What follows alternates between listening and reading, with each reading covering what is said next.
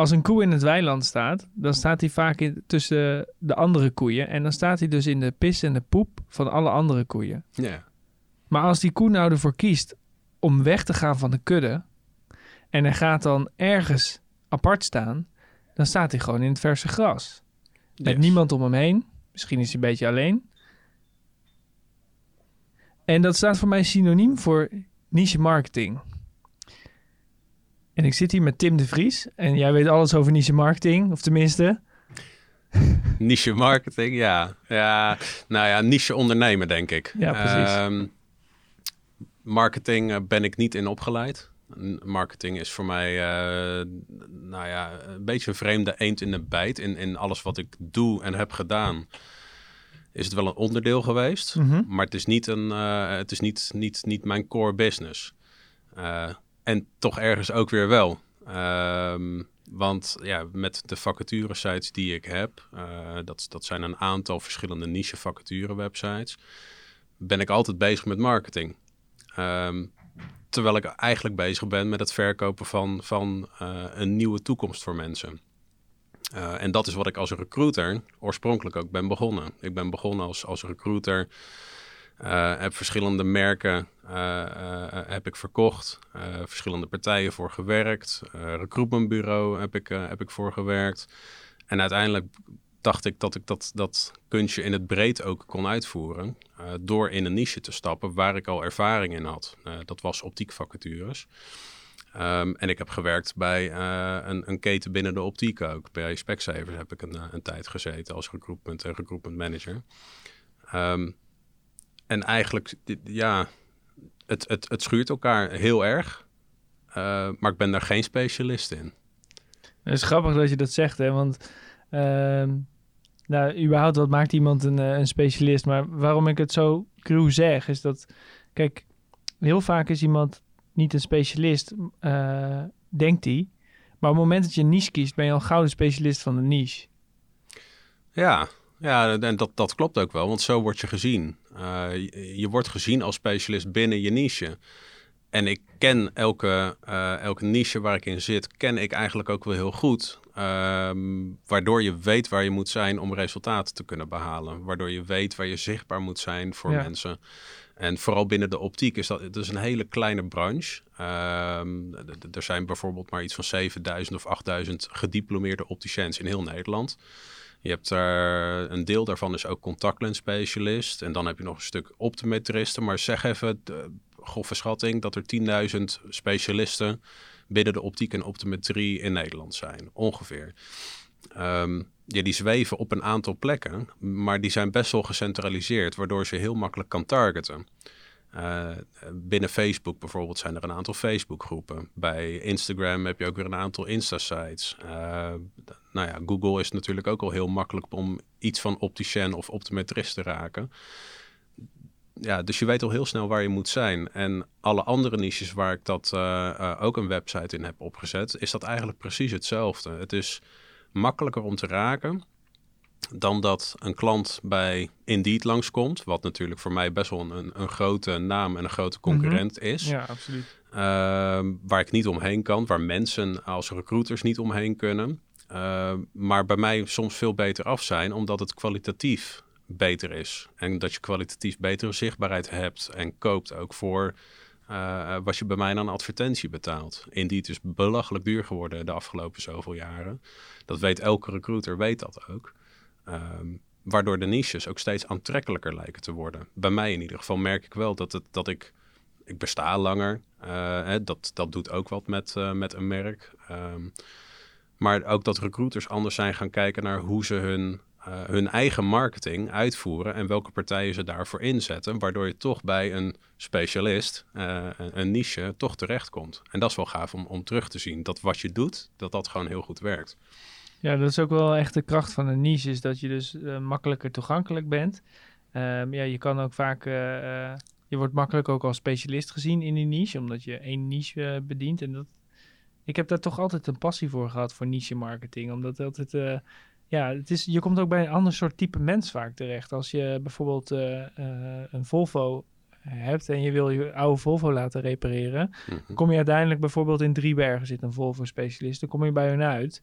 En eh, ja, dat zijn ook mensen met passie voor hun vak, omdat ze die hele niche begrijpen. Van top tot teen kennen ze die Volvo's en die zijn er helemaal fan van. Die zijn bijna fan van de niche. Ja. En, eh, dat is zo leuk van die niche marketing. Maar dat maakt het ook weer heel leuk om, eh, om daarmee om te gaan. En Seth Godin zei altijd, het is eh, tribes we lead. Mhm. Dus iedereen wil bij een tribe horen. En de tribe is eigenlijk de niche. Dus het klinkt heel logisch als kies het niche. En dan is er nog een andere filosofie tegenover. Is van ook van ja, ga je nou super groot of ga je niche? En daartussenin lijkt wel helemaal niks meer over te komen. Want jij zegt Indeed, ja die gaat gewoon voor groot. Maar dat betekent dat ze niet super kunnen zijn in de niche. Dus eigenlijk start iedereen altijd vanuit de niche. En toch zie je vaak dat mensen niet durven te kiezen voor een niche. Nou ja, het is, het is wel grappig dat je dat ook zegt. Want ik heb dat zelf ook eh, gedaan. Ik heb eerder heb ik een, een eh, recruitmentbureau ben ik begonnen. Eh, toen, even denken hoor, dat is een jaar of tien geleden denk ik ongeveer geweest. En ik koos toen heel bewust om breed te gaan, om Ja. geen specialisme te hebben. En ik faalde. Ik ben keihard om mijn bek gegaan en ik kwam mezelf ook wel heel erg tegen in het alleen werven, het alleen werken en, en, en het Oh ja, alleen ja. rooien. Maar het was vooral ook eh, eh, dat er steeds meer gevraagd werd in die tijd al eh, naar de niche. Waar ben je dan in gespecialiseerd? En ik zei, ja, ik, doe, ik ben recruiter, dus ik, ik kan alles. Ik kan overal kan ik mee aan de slag. Maar ik ging dus op mijn bek en het, Ja. het werkte niet. En uiteindelijk ben ik dus weer terug in loondienst gegaan. Ehm, terwijl als ik toen misschien al die niche eh, eh, goed had gekozen, ja, dat, dat, ik, dat ik al eh, een stuk verder was dan dat ik nu ben. Ja, Ehm, en een paar jaar later, twee, de twee of drie jaar later nadat ik toen ben gestopt, is een maatje van me, is binnen een niche, is hij zijn eigen detacheringsbureau gestart. En die doet het echt mega goed. Die, die, ja, die had het de afgelopen jaren, heeft hij het ook wel wat minder gehad natuurlijk, ook door, door de corona. Maar eigenlijk nog steeds binnen het niche wat hij voert, binnen die techniek waar, waar hij heel sterk in is, doet hij het ook super. Ehm, ja, misschien is dat ook wel, dus, eh, heb ik dat ook wel gezien en daarvan geleerd. Eh, voor mezelf in ieder geval van geleerd. Dat ik gewoon moet doen waar ik bekend ben, waar ik in thuis ben. En dat ik het eerst moet snappen voordat ik het ga verkopen.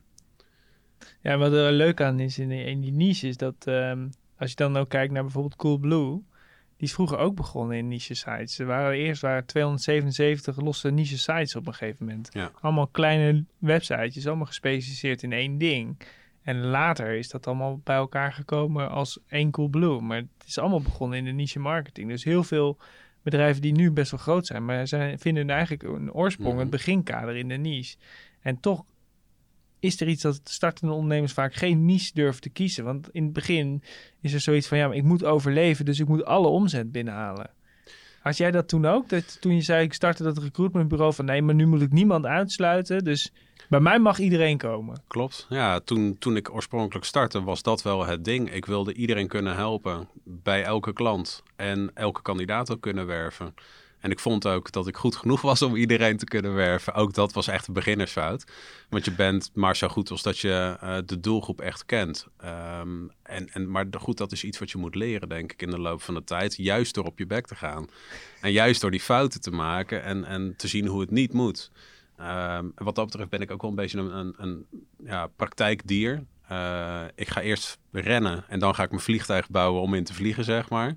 Maar dan ben ik al onderweg. En ik denk dat ik dat, dat eigenlijk met alles wat ik tot nu toe heb gedaan, waar het goed is gegaan, maar ook waar het fout is gegaan, dat, je dat, dat ik dat heel erg goed heb meegenomen, eh, maar wel heb moeten ervaren, zodat ik weet wat ik niet moet doen. Dus het is eigenlijk voor mezelf een soort van uitsluiting geweest van, van stappen voordat ik de goede stap heb kunnen maken. Ehm, en dat past ook wel bij mij. Om gewoon eh, eh, de proof op te zoeken. Gewoon te gaan en dan, oh ja, dat werkt niet. Oh, wat gaan Ja. we nu doen? Oh, dat werkt dus wel. Ja, en ook wel eh, tegen advies in. Want sommige mensen eh, eh, nou ja, zien ook wat sneller de risico's. En ik zie eerder zie ik de kansen.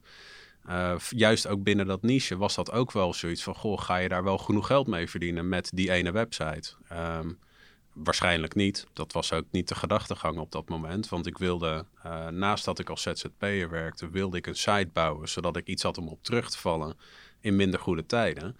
Uh, en inmiddels doe ik geen ZZP-werk meer, omdat ik het te druk heb met al die sites die, uh, die er ontstaan zijn. Um, ja, en toch ook ja, tegen beter weten in, uh, of tegen beter advies in, denk ik, wel geprobeerd om het gewoon te doen. En het heeft gewerkt. Ja, dat heeft zeker gewerkt. En uh, wat wel leuk is, we zijn ook uh, aan de slag gegaan met jou met zoekwoordanalyses en om dat uh, verder strak te zetten. En wat leuk is aan die zoekwoordanalyses, dan maak ik vaak een lijst van, van woorden van, voor, voor klanten. En dan zie je dus, nou, dan zie je de zoekwoorden zie je staan. En het eerste wat klanten dan doen, is de niet-niche woorden eruit plikken. Ja. ja. dat, is zo, dat is zo leuk. Ja. Ja, omdat dan denk je, ja, maar daar wordt heel veel naar gezocht en daar wordt minder naar gezocht. En er is toch iets in onze natuur dat we bij marketing en zo altijd denken, ja, het moet veel zijn. Ja. Terwijl, ja, je wil dat iemand jou kan kiezen, kan begrijpen, kan zien. Nou ja, maar ik, ik denk ook wel dat het wel logisch is. Uh, zeker voor mij, hè? Als, als ik het nou heb over vacatures. Ja. Vacatures is denk ik een van de, van de hele grote zoekwoorden. Ja, er wordt waarschijnlijk 220.000 keer naar gezocht of zo. Bizar veel. Vacatures, echt veel. En dat is ook, bij mij wordt daar ook veel naar gezocht. Maar het is altijd in combinatie met het niche. Uh, opticien vacature, uh, ja, is meteen mijn grootste geheim voor optiekvacatures, is het zoekwoord. Of zijn de zoekwoorden dat is waar het meest op gezocht wordt. Dat waar ik de meeste traffic op binnenhaal. En vervolgens heb je natuurlijk uh, alle andere zoekwoorden die ook interessant zijn. Maar puur vacature is inderdaad uh, een tien of een honderdtal groter dan dat opticien vacature is. Dus, dus ik, ik snap die neiging wel. Maar het is niet logisch om die neiging te volgen, inderdaad. Uh, juist niet binnen je, buiten je niche ja. te gaan. Ja, en, en ook maar daar, dan zie je ook dat als je die niche dus wel kiest, is dat je ook je aanbod en je website, alles kan je zoveel beter optimaliseren naar die, die doelgroep wat jij zegt. Ja. Maar hoe ben je tot al die stappen en inzichten gekomen? Want je zegt, ik ben gewoon vooruit gegaan. Op een gegeven moment een vriend van mij, die, die deed een niche. Maar dacht je toen, ik ga het uh, bewust, dacht jij, ik ga het ook in de niche proberen? Of dacht je gewoon, ik ga gewoon even, ik ga het voor de lol doen? Nee, nee. Het, het, het was eigenlijk, is dat ontstaan uh, toen ik bij Specsavers werkte. Ja. Heb ik het domein optiekvacatures al gekocht. Uh, dus dat is inmiddels uh, zeven jaar geleden, denk ik. Uh, maar toen ik daar werkte, zei ik al van goh, we, we missen een platform, centraal platform, wat er niet is. Uh, een, een niche vacature website puur voor de optiek. Dus waarom gaan we dat niet doen? Nou, vanuit Specsavers, maar dan waar iedereen eigenlijk op zijn vacatures op kan posten. En uh, dat was een geweldig idee. Dat vond ik toen al. Uh, vonden zij dat ook? Vonden zij niet zo. Nee, nee want zij dachten wij zijn al goed vindbaar. En, en uh, dat willen we zo houden. Want we liepen wat dat betreft qua recruitment... liepen we echt mijlenver voor op de rest van de, van de concurrentie. En Specsavers was toen echt in een hele sterke groeimodus. en qua recruitment haalden we echt mens na mens haalden we binnen. dus we waren heel succesvol. En ik denk dat, dat wat zo'n website dan doet, uh, of extra zou, uh, zou hebben toegevoegd, is dat het voor de concurrentie ook makkelijker was. Dus ik, ik snapte het besluit van toen wel. Maar ik had dat, ik had dat domein had ik dus al. En uh, uiteindelijk toen ik weg ben gegaan bij Specsavers, kwam ik terecht bij New York Pizza. Daarna ben ik gaan ondernemen. Had ik een eigen restaurant. Ben ik weer keihard op mijn bek gegaan. Slecht verhaal, gaan we niet over hebben. um, maar daarna ben ik dus weer terug in de recruitment gerold. En toen dacht ik, ja, ik, ik ga die site gewoon neerzetten. Ik ga het gewoon bouwen. En uh, uh, we gaan kijken wat erop afkomt, of dat werkt. En werkt het niet, ja, dan heb ik een zakje geld weggegooid. Werkt het wel, uh, dan heb ik bereikt wat ik wilde bereiken. En eigenlijk is dat vanuit optiekvacatures is het uitgerold tot meerdere websites nu omdat dat wat ik aan het doen was heel goed werkte. En de tweede niche die ik uh, uh, koos ook uh, precies hetzelfde miste. Ze misten gewoon een centraal platform waar vacatures op gepost worden binnen de tweewielerbranche. dus vandaar tweewielervacatures.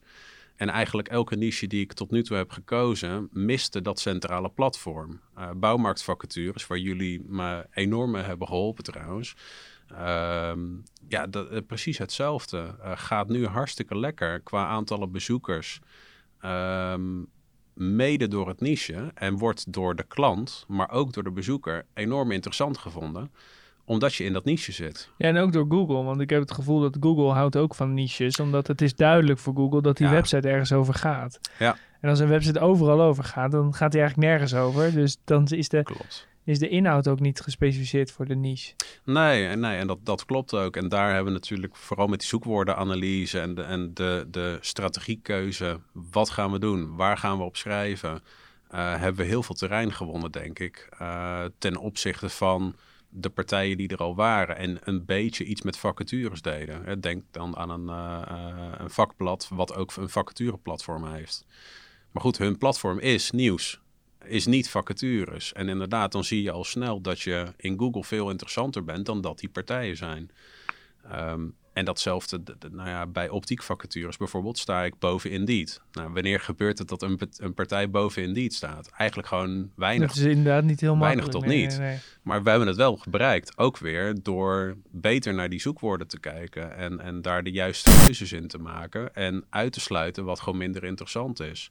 En ik sta niet op alle zoekwoorden natuurlijk boven Indeed. Dat, dat kan ook niet. Maar bij de meest relevante zoekwoorden sta ik Voor het jou, wel. ja, precies. Voor, voor mij en voor mijn bezoekers. Dat is waar het om gaat. Ehm, En wat is nou het mooiste voorbeeld van niche marketing? Is dat optiekvacatures? Of zie je nog wel, heb je een andere niche gezien dat je zegt, nou dat is echt vet.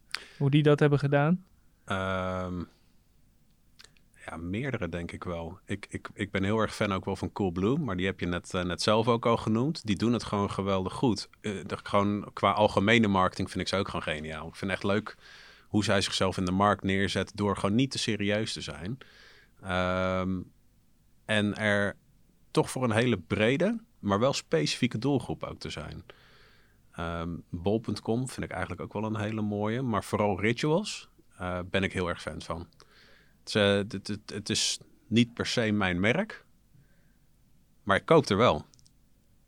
En ik vind gewoon ook de, de, de, de beleving en de uitstraling die zij hebben als merk, eh, vind ik echt een geweldig voorbeeld. Ook van, van het niche wat ze kiezen. Ze zitten natuurlijk gewoon in een leuk, in het middenhoog segment. Met alle zeepjes en geurtjes en dingetjes en datjes. Maar altijd als we naar de stad gaan, en ik ben met mijn vrouw, eh, dan is dat wel een route die we, die we nemen. We gaan bijna altijd wel bij rituals binnen. Eh, en alles het voor mij, ik, ik, eh, voor de douchegel alleen. Zij gebruikt er echt van alles. En cadeauboxen en nou ja, noem het maar op. Verjaardagen van links naar rechts komen ook heel snel bij rituals terecht. Dus ja, en, en ik denk dat zij dat ook heel goed vertalen van het online element wat ze hebben naar het offline. Eh, de, de uitstraling en de warmte en eh, ook wel de zorg die zij hebben vanuit de mensen die in de winkel staan. Ik vind dat wel een, een, een hele mooie combi. En Coolblue doet dat trouwens precies op dezelfde manier binnen hun eigen eh, niche dan weer. Ja, precies. Ik heb zelf heb ik Hans Beekhuizen, dat is een Nederlandse audiofiel. Maar die zit dan allemaal video's te maken en haalt hij apparatuur uit elkaar. En dan gaat hij vertellen hoe het opgebouwd is en hoe het werkt. Ja? En die heeft dus echt een wereldwijde following van, eh van audiofielen. Maar het is gewoon een Nederlandse man die op zijn zolderkamer dat zit te doen. Grappig. Hè? En dan zie je dus dat hij van niche marketing, hij heeft gewoon volgens mij, hij heeft, hij heeft echt veel traffic, echt veel traffic, wereldwijd. ja? Hij heeft dus ook een Patreon-account waar je dan kan doneren. Maar die maakt gewoon alleen maar reviews over, over audioapparatuur. En dat, ja, ik weet niet, daar kan ik gewoon, dat, ik vind het gewoon mooi dat toen ik begon met online marketing, hoopte ik eigenlijk dat eh, social media en online marketing eigenlijk een soort bepaalde eerlijkheid in de markt zou brengen. Omdat content die dan, ja, zeg maar goed gevonden werd naar voren kwam in plaats van dat de krant het zou publiceren. Inmiddels heeft het advertentiemodel het eh, flink om zeep geholpen, mijn droom. Maar toch met die niche platformen, dan, dan voelt het meer alsof het wel is wat ik eigenlijk in, initieel zelf voor ogen had, wat het internet zou gaan doen. Omdat het wat eerlijker wordt, zeg maar. Het, het gaat veel meer vanuit de waarde, is voor mij niche. Ja, ik snap wat je zegt inderdaad. Maar dat hangt denk ik wel heel erg af van de ondernemer. Uh, uh, en of dat een enkele ondernemer is, of een, een slimme marketingmanager, of een, een gekke directeur, uh, die zijn eigen wil of mening doordrijft, of breder kijkt naar wat er echt gewenst is vanuit het niche wat je bedient. Ja, Want ja. iedereen kan denk ik iets om zeep helpen. Uh, en dat kan ik zelf ook heel makkelijk. En ik, dat kan jij natuurlijk ook. Iedereen kan, kan iets om zeep helpen door gewoon een, een verkeerde keuze te maken. Dat gebeurt niet misschien bij één keuze. Maar als jij gewoon een reeks van verkeerde keuzes maakt, kan je iets heel erg om zeep helpen. En ja, het, het is dus lastig om uit te leggen hoe je ehm, hoe makkelijk het is om een verkeerde keuze te maken. Om iets om zeep te helpen en om niet te krijgen, eh, of om eigenlijk niet te bedienen wat je doelgroep nodig heeft. Ja, ik zelf vind daar, eh, ja, dat kan ik me voorstellen. Wat ik zelf daar heel prettig in vind, is de zoekwoordanalyses. Omdat die me inzicht geven in waar mensen dan eh, naar zoeken. Dus ik kan dan kruipen in het hoofd van een persoon op een hele snelle manier, zonder honderden interviews te gaan doen. Mhm. En ik heb ook echt het vermoeden, maar dat is echt mijn geloof, ik kan het niet wetenschappelijk onderbouwen, is dat mensen andere dingen zoeken dan dat ze zeggen. Dus als iemand vraagt waar zoek je op, dan zegt hij allemaal dingen, daar zoekt hij helemaal niet naar. Want hij gaat vanuit zijn fantasie zoeken. Maar Google, mensen tikken het gewoon in, omdat ze, ze hebben dat op dat moment nodig. Alleen als je mensen vraagt wat ga je komende week nodig hebben, dan zeggen ze hele andere dingen dan wat ze daadwerkelijk echt nodig gaan hebben. Dus dat is wat een beetje wat voor mij zo interessant is aan die data van Google. En ik had dus ook, ik heb die fascinatie er altijd mee gehad om dan die niche uit te gaan dokteren. En eh, ja, dat, die, daar kunt je dus gewoon op basis van data van Google beseffen ook van, hé, maar zo groot is die niche ongeveer. Dus je kunt die niches ook echt cherrypicken eigenlijk uit analyses. Ja, maar ook, ook kan je, als je niet de juiste begeleiding hebt, denk ik, kan je daar ook weer heel snel een verkeerde keuze in maken. Kijk, ik, ik ben Ja, je bedoelt dat je de verkeerde niche kiest. eh, binnen het niche de verkeerde keuze maakt. Oké. Ehm, door, eh, ik, ik, ben, ik ben er heilig van overtuigd dat als jij zelf voldoende thuis bent in jouw eigen niche, dan weet je ook wat die zoekwoorden kunnen zijn. Je weet alleen Ja. de aantallen niet. Zo bedoel je, ja. Ehm, kijk, ik kan op contactlensspecialist, om toch weer even terug naar die optiek te gaan, eh, kan ik enorm veel doen met mijn zoekwoorden. Maar ik weet dat daar veel minder op gezocht wordt. Ook om, omdat je al weet dat de, het aantal contactlensspecialisten in Nederland veel kleiner is dan dat het aantal ja, opticiens gewoon is. logica, ja. Dus er, er zit altijd een bepaalde logica in. En als jij voldoende thuis bent in je niche, dan weet je dat op voorhand al. Vandaar dat ik voor mezelf alleen niches kies waarvan ik nou ja, toch een bepaalde eh, ervaring in heb of bepaalde affiniteit mee heb. En dat wil niet zeggen dat iedereen dat moet doen eh, op die manier. Maar Nee. ik denk wel dat je jezelf eh, ehm, goed moet inlezen en goed moet onderzoeken voordat je echt zo'n niche induikt. En of dat nou een compleet bedrijfsplan en bedrijfsmodel is, ehm, dat is ook ieder voor zich. Ik ben niet van eh, enorme bedrijfsplannen namelijk. Ik, heb, ik ben meer van mijn gevoel. Ik weet dat er iets zit. En ik duik erin. En ik weet, ik kijk natuurlijk wel een beetje basiscijfers en statistieken kijk ik naar.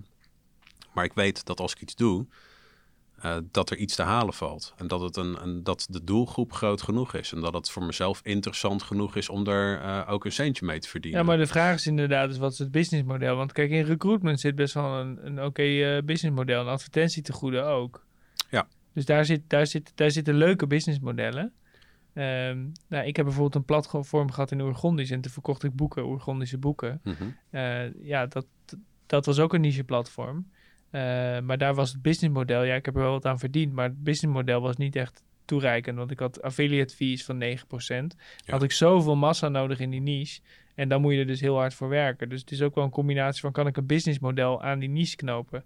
Hans Bekenhuis heeft een hele grote audio following. Mhm. En maar dat zijn mensen die gaan dan, sommigen doen een donatie via Patreon, maar die zal niet van elke user een advertentiemodel krijgen of iets. Dus dat zal Ja, dus je hebt ook grote niches die eigenlijk weinig kunnen opleveren.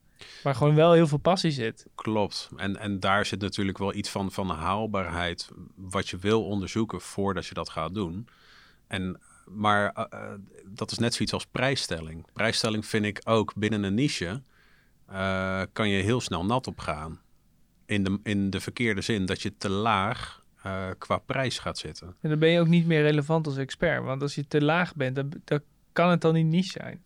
Als ik naar de Volvo-specialist ga, is die vaak duurder dan de gewone garage. Ja, ja zeker. En, en ik denk dat dat, eh, nou ja, in, heel veel gevallen wel is. Ik heb ook een buurman namelijk, eh, eh, die zit bij mij op kantoor in Woerden.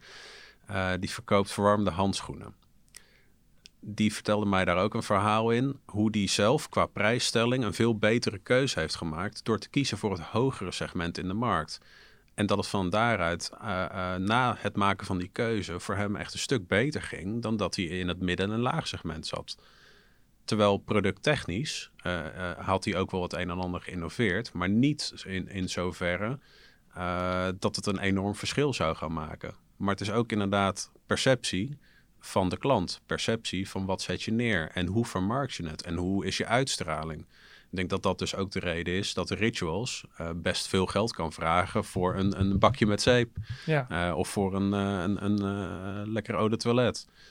Um, en ik denk dat dat ook voor, voor Coolblue geldt. Coolblue rekent wat dat betreft ook gemiddeld gezien een iets hogere prijs dan dat andere concurrenten doen. Nu wel, ja. In het begin deden ze dat niet, maar nu... Ja, ja, en, uh, en Mediamarkt heeft uh, een jaar of vier, vijf geleden heeft ook die keuze gemaakt om niet meer de prijsknaller te zijn, maar om over te stappen naar gewoon een wat hoger segment, een hogere prijsrange. Dus zal ook met het businessmodel te maken hebben gehad, want in Nederland doen ze het natuurlijk niet zo uh, perfect. Um, maar het is, is ja, toch een stukje perceptie. En is het er minder druk om geworden bij die zaken? volgens mij niet, want Mediamarkt is altijd druk als ik daar binnen loop. En Coolblue nou ja, online doen ze volgens mij zat. En die fietsen die, die groeien ook uh, uh, met elke dag groeien er meer uit de grond. Uh, ja, ik denk dat dat overal dat dat relevant is. Dat je jezelf relevant maakt door de juiste prijsstelling ook te nemen. Ja, en daarmee kies je ook de, een bepaalde niche. Maar voor mij is wel de niche meer dat je echt één segment compleet uitnut. Dat je, de, en wat ik ook leuk aan vind, als je die niches verder ontleedt, zeg maar, als je kijkt naar de niche van de, wat, als je, nou, zo'n Hans Beekhuizen dus, is dat in sommige echt specialistische niches zitten vaak één iemand met passie voor een vak helemaal compleet achter die hele niche. Ja. En dat, de, ja, ik weet niet, daar, daar, daar, daar raakt dat mij iets. Kijk, dat is met optiekvacature. Ik kan niet zeggen dat je compleet helemaal gek bent van optiek. Maar er zit vaak in niche marketing, komt het, daar komt voor mij wel de oorsprong dat je dus uiteindelijk bij een of andere aparte denkend iemand komt die dan heeft bedacht, oh ja, ik word Volvo-specialist, want wat is het zonde dat die oude auto's niet meer onderhouden worden? Dit moet gebeuren. Um, oh ja, allemaal andere gereedschap regelen. Zo heb je ook in Amerika heb je een zo'n uh, zo'n vlogger die heeft, uh, die doet uh, alle Tesla's haalt hij uit elkaar en die gaat die repareren. Mm -hmm. En dat wil Tesla eigenlijk niet. En dan heeft hij een eigen garage gemaakt dat je dus bij hem je Tesla kan laten maken. Dan val je niet meer onder garantie, maar dan helpt hij je wel verder. Ja. En dat is ook ontzettend niet. Dus hij is eigenlijk een van de weinigen die ele elektrische auto's doet. En dan kom je echt bij zo iemand die met een brok vol passie zit. Die daar echt helemaal zin in heeft. Ja, en dat vind ik wel gaaf. En dat zie je, ik vind, zo voelt voor mij Coolblue ook. Want bij Coolblue is het nog wel zo dat, uh, dat uh, Pieter zelf nog zeg maar op de voorgrond treedt. Dat voelt voor mij wel, dat voelt voor mij niche. Ik zeg niet dat dat niche is, maar dat is wat bij het vonkje aangaat. Dat ik denk, ja, ja zit ja. iemand die wil achter. Die het is gewoon... herkenbaar. En dat is, die, iedereen kent Pieter, want iedereen kent Coolblue. Pieter is Coolblue. Ja, eens. Ja, dat, dat, en dat, dat zit vaak, en dat, daar heb je denk ik wel een heel goed punt, ja. Het zit onlosmakelijk, zit het met elkaar verbonden. Want ook als je optiekvacatures zegt, dan zit ik daarachter. Dat weten mensen ja. dat ik daarachter zit. Ja. Bij andere niches is dat minder. Uh, omdat ik daar zelf minder naamsbekendheid in heb. Maar dat is ook de reden dat optiekvacatures... Het hardst gaat. Het hardst gaat, ja. ja. Um, kan je dat anders uh, uh, op een andere manier bereiken? Vast wel, alleen weet, weet het is wel zo. Kijk, Mediamarkt of Coolblue Tesla of BMW. Ja, het zijn heus wel. Ik ben ook BMW-liefhebber. Ik rijd Tesla. Ik heb BMW's gehad. Ik ben echt wel BMW-liefhebber. Alleen het is wel. Ik krijg minder passie bij het merk. doordat de, de directeur zich niet uitspreekt. Ja. Snap je? Dus je, die, die visionair is weg. Ja, maar en, dan is het meer op afstand, bedoel je? Uh, je, je, je feeling is er minder omdat je er minder een gezicht bij hebt. Ja, en dat gezicht, want kijk, een groep laat zich niet leiden door een auto. Een groep laat zich leiden door degene die daarachter zit met zijn visie. Ja. Dus, en daar ligt gewoon een hele cruciale rol weggelegd voor CEO's. Want die verstoppen zich allemaal. Ja. Snap ja. je? En daar gaat iets niet goed. Want als jij wil dat je personeel social media gebruikt, uh, waarom maak jij dan niet een podcast? Ja. Snap je? Dus nee, jullie moeten een podcast maken, want ik ben een CEO. Dat, dat, en dan, dan moet ik dus lachen. Dus als je dan kijkt, als je die filosofie van niche marketing doortrekt, al die bedrijven zijn communities. En uiteindelijk is er een CEO achter die community met een bepaalde visie. En die podcast maken of nou, maakt niet uit op welke manier je naar buiten treedt. Het zijn allemaal manieren waarop je je visie kan uiten. En ook naar je team toe. En dat vind ik dus... Ja, ik moet daar altijd om lachen als dat niet gebeurt. Dan denk ik, ja, zit er dan... Is daar wel iemand? Zit daar dan wel iemand met visie achter? Ehm, kan ik dan als consument ook aanhaken bij die visie? Kan ik dan passie hebben voor die niche? En daar, daar is voor mij, ik heb dat boek ooit gelezen van Seth Godin, Tribes We Lead. Dat is echt supergoed. Omdat het me hiertoe heeft aangespoord. En niet omdat ik zo goed ben, maar omdat ik me er wel enthousiast van ben. Daarom vind ik het een goed boek. Omdat je dus, je hebt dus altijd een groep die geleid wil worden. Want een groep mensen, en ik ook wel eens, wil geleid worden. Waarom ehm, in de sportschool bijvoorbeeld hadden we, hadden we dan een fitnessinstructeur die dan een beetje populair was. En er ging dan een groep aan vast. En als Mhm. die dan groepslessen gaat geven, zit die groepsles vol. Ja. Ja, Ja. Zo voelt het ook voor mij als met een CEO in een niche. Ja, maar ja, dat, dat, dat zie je denk ik bij de meeste grote bedrijven, dat die visie er wel is. Eh, eh, Simon Sinek ken je ongetwijfeld Ja, ja. ook. Zit ook precies op diezelfde stoel. Waarom doe je wat je doet? En vervolgens werk je door in het hoe doe je het en wat ga je dan precies doen. Maar je, je begint bij die oorsprong. Waarom doe je wat je doet? Ja, En dat is eigenlijk voor iedereen de sleutelvraag. Als je iemand hebt die dat stuurt, die dat volgt en die eh, de tribe eh, eh, leidt, hè, dan, dan zit je denk ik op de, goede, op de goede route. Ook al ben je zelf die tribe leader. ja, precies. En in een niche is dat voor mij makkelijker. Want je komt wat makkelijker bij iemand die echt helemaal, zeg maar, helemaal ja, verzot is op die niche. Zo'n Hans Beekhuis, helemaal gek van die audio, audiofilie. Ja, vervolgens, als hij dan een medewerker nodig heeft, hoeft hij maar één ding te doen. Hij stuurt één berichtje in die community, wie wil me helpen? En hij heeft Mhm. gewoon reacties. Ja, Dus die, dat, Ja. dat, dat, dat is een soort, ehm, het is een soort organisme, zo'n niche. ja, ja maar dan, dan kom je toch ook weer een beetje bij die, die harde kern van volgers die jouw bedrijf echt super tof vindt. En dan de mensen die daar achteraan gaan. Ja, Eh, weet je, de, de, de early adapters Ja. en de, eh, dat... Ik weet, dan kom ik weer iets tegen wat ik ooit heb gehoord natuurlijk. zie je, ik had, ik had niet moeten zeggen dat je marketing specialist bent, want nou kom je met al die modellen. Nee. Ja, ja, waarop? Ik weet het eerste woord meestal de rest die weet ik niet. Nee, maar eh, ik denk wel dat het zo werkt, ja. Dat, dat, dat, dat je heel goed eh, kan leiden en mensen kunt laten volgen en een bepaalde kant op kunt laten bewegen door eh, ze mee te nemen in jouw denkwijze. En hoe je dat vertaalt naar een website eh, of naar je winkel of naar je marketing eh, in, in bredere zin. Ja, dat is dan de truc.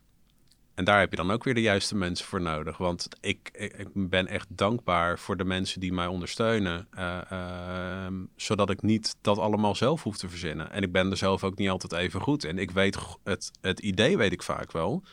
Maar hoe zet ik het neer? Wat ga ik precies doen? Ehm, daar zijn andere mensen vaak veel sterker in dan dat ik dat ben. Ook al weet ik welke kant ik op wil. En als ik het zie dat het goed is, dan weet ik ook dat we succes gaan halen met datgene wat we gaan doen. Met, met de boodschap die we willen overbrengen. Wie heeft jou veel geholpen daarmee?